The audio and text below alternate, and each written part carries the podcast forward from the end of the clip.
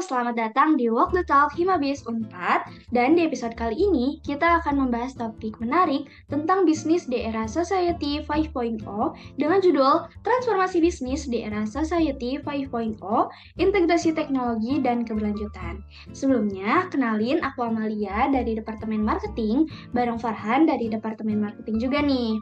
Halo Farhan, boleh saya hai dulu? Halo, halo Aman. Halo, gimana nih Han kabarnya? Aku kabarnya baik sih. Kalau kamu gimana nih? Aku juga baik juga dong, karena kita akan menjelajahi bagaimana peran teknologi dan transformasi sosial mempengaruhi dunia bisnis kita. Oh iya, aku juga seneng banget nih uh, bisa berada di sini, terus bisa berbagi informasi juga nih bareng kalian semua dan bareng Farhan juga. Wow. Oke, jadi pertama-tama mari kita mulai dengan pemahaman tentang apa itu Society 5.0. Nah, jadi Society 5.0 itu adalah konsep yang muncul di Jepang yang mengusung integrasi teknologi canggih dengan kehidupan sehari-hari manusia. Ini bertujuan untuk menciptakan masyarakat yang lebih manusiawi dengan fokus pada kesejahteraan dan keberlanjutan. Dalam konteks bisnis, Society 5.0 membuka peluang baru dan tantangan yang menarik. Kalau dari kamu nih Han, gimana sih pandangan kamu terkait Society 5.0 ini? Oke, menarik ya. Kalau eh, menurut aku kurang lebih sama sih kayak pendapat kamu. Uh, jadi aspek uh, salah satu aspek utama dari Society 5.0 ini adalah transformasi digital pastinya. Teknologi kayak kecerdasan buatan, big data, Internet of Things, dan robotik telah mengubah cara bisnis beroperasi. Misalnya dengan adanya Internet of Things, perusahaan dapat menghubungkan perangkat mereka dan mengumpulkan data yang berharga untuk meningkatkan efisiensi dan meningkatkan pengalaman pelanggan. Nah, selain itu, Mal, Society 5.0 juga mendorong kolaborasi yang lebih erat antara sektor bisnis, pemerintah, dan masyarakat. Inisiatif seperti kata uh, kota pintar, transportasi cerdas, dan layanan publik uh, semakin mengintegrasikan berbagai pemangku kepentingan seperti dalam upaya menciptakan solusi yang lebih baik untuk masalah sosial dan lingkungan. Nah, namun dengan transformasi ini muncul tantangan baru bagi bisnis. Salah satunya adalah perubahan dalam kebutuhan dan harapan konsumen.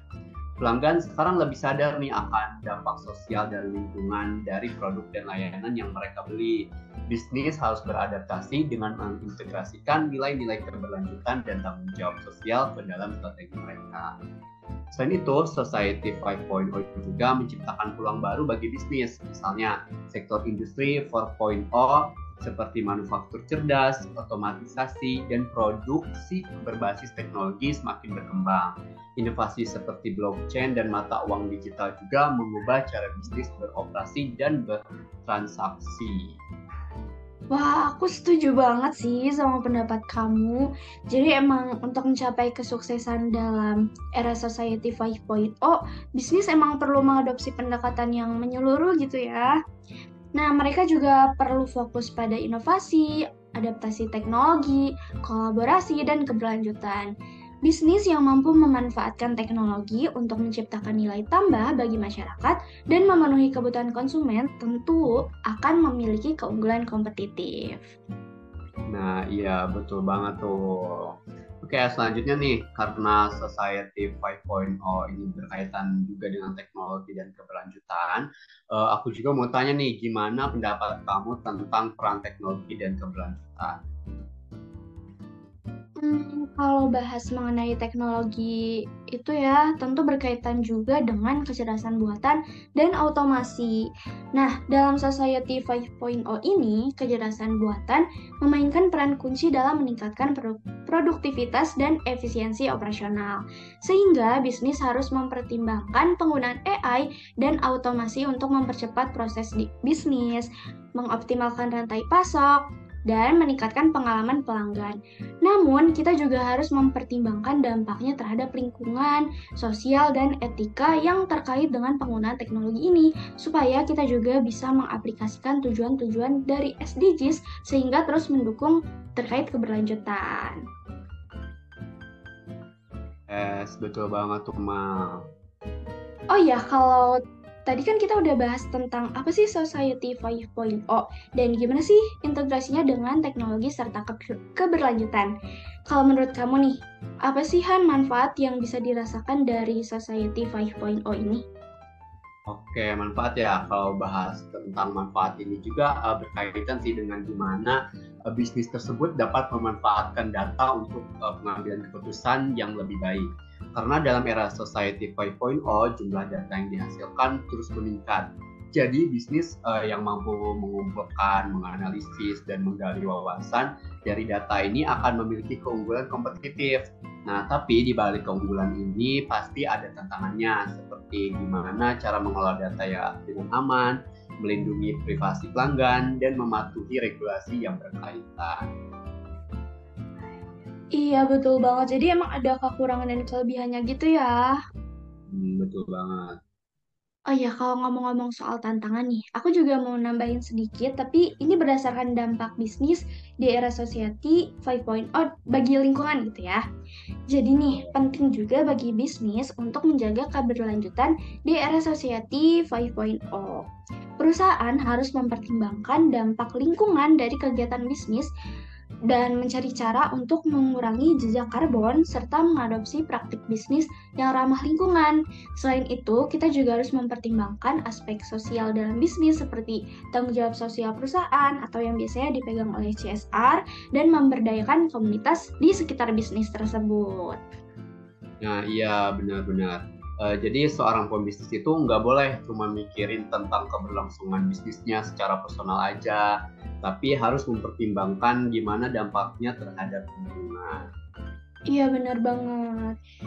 Oke, tadi kan kita udah bahas terkait transformasi bisnis di era society 5.0, terus integrasinya uh, terhadap teknologi dan keberlanjutan. Sekarang kita bakal coba bahas terkait gimana sih cara yang seharusnya dilakukan untuk mengimplementasikan transformasi ini dalam praktik bisnis yang tepat. Kalau menurut kamu nih Han, gimana sih cara pengimplementasian itu? Hmm, kalau menurut aku sih uh, pengimplementasian itu uh, ada beberapa langkah ya yang dapat diambil perusahaan untuk mengimplementasikan transformasi uh, penting untuk membangun budaya inovasi dan kesadaran akan pentingnya keberlanjutan.